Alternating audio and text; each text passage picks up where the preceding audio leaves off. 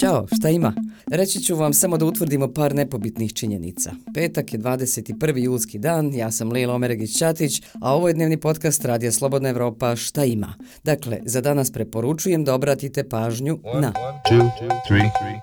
Drugostepenu presudu u predmetu Zijad Mutap i drugi izreći će vijeće apelacijonog odjeljenja suda Bosne i Hercegovine. Optuženi Zijad Mutap, Hasan Dupovac, Alisa Ramić, Josip Barić i Muamer Ožegović se, između ostalog, terete da su pristupili grupi za organizovani kriminal koji je formirao Mutap radi prikrivanja dokaza o načinu na koji je mladić Dženan Memić zadobio teške tjelesne povrede opasne po život 8. februara 2016. uslijed kojih je preminuo. Također se terete da su u namjeri da prikriju stvarne počinitelje i stvarni način na koji je mladić povrijeđen prikrivali i činjenice koje su im poznate te fingirali dokaze.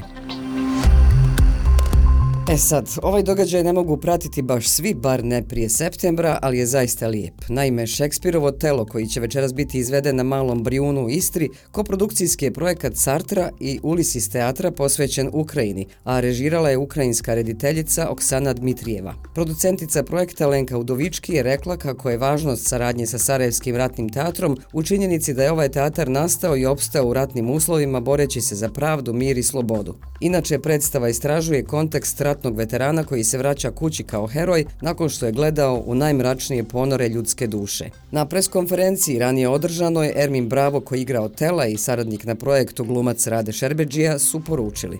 Nakon e, što je počelo sve e, da se dešava u Ukrajini, imali smo potrebu i čini mi se obavezu i neku vrstu odgovornosti da kao ljudi iz ovog grada E, grada koji je e, prošao kroz ta iskustva, e, da pokažemo solidarnost. Postoji neko poblatinstvo lica u svemiru, kao što govori Ujević, među ljudima, koji nakon ne samo umjetnika, nego i svakog čovjeka, da dade svoj lični doprinos građanju boljeg svijeta. U predstavi pored Brave igraju Alban Ukaj, Snežana Bogićević, Jasenko Pašić, Maja Salkić, Davor Sabo, Adnan Kreso, Mak Čengić, Alen Konjicija i Ana Marija Brđanović.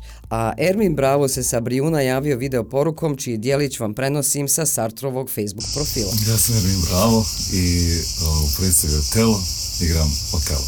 Došli smo na Brijune, čini mi se jedno lijepo pozorišno estetsko iskustvo, tako da ovom prilikom pozivam i gledalce da dođu na Brijune, ako ste negdje blizu, a ako ne, čekajte nas na jesen u Sarajevu.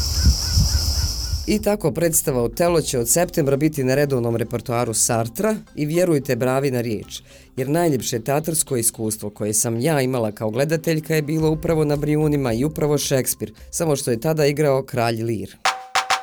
A i ovo je događaj na koji obratite pažnju. S ovom epizodom završavamo prvu sezonu dnevnog podcasta Šta ima, jer vrijeme je da se i mi malo odmorimo. Hvala što ste bili uz nas svakog radnog dana zadnjih šest mjeseci, a naravno vraćamo se ponovo u septembru. Pazite sad pažljivo, u međuvremenu uvodimo malu ljetnu šemu, pa ćemo tako svakog ponedjeljka da objavljujemo ljetno izdanje podcasta Šta ima.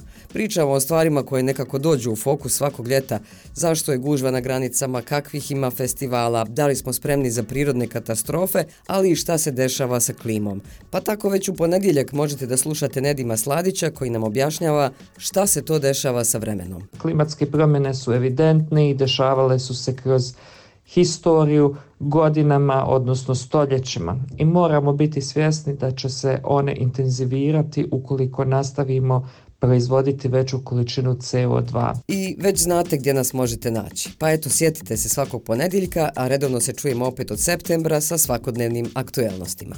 Ćao!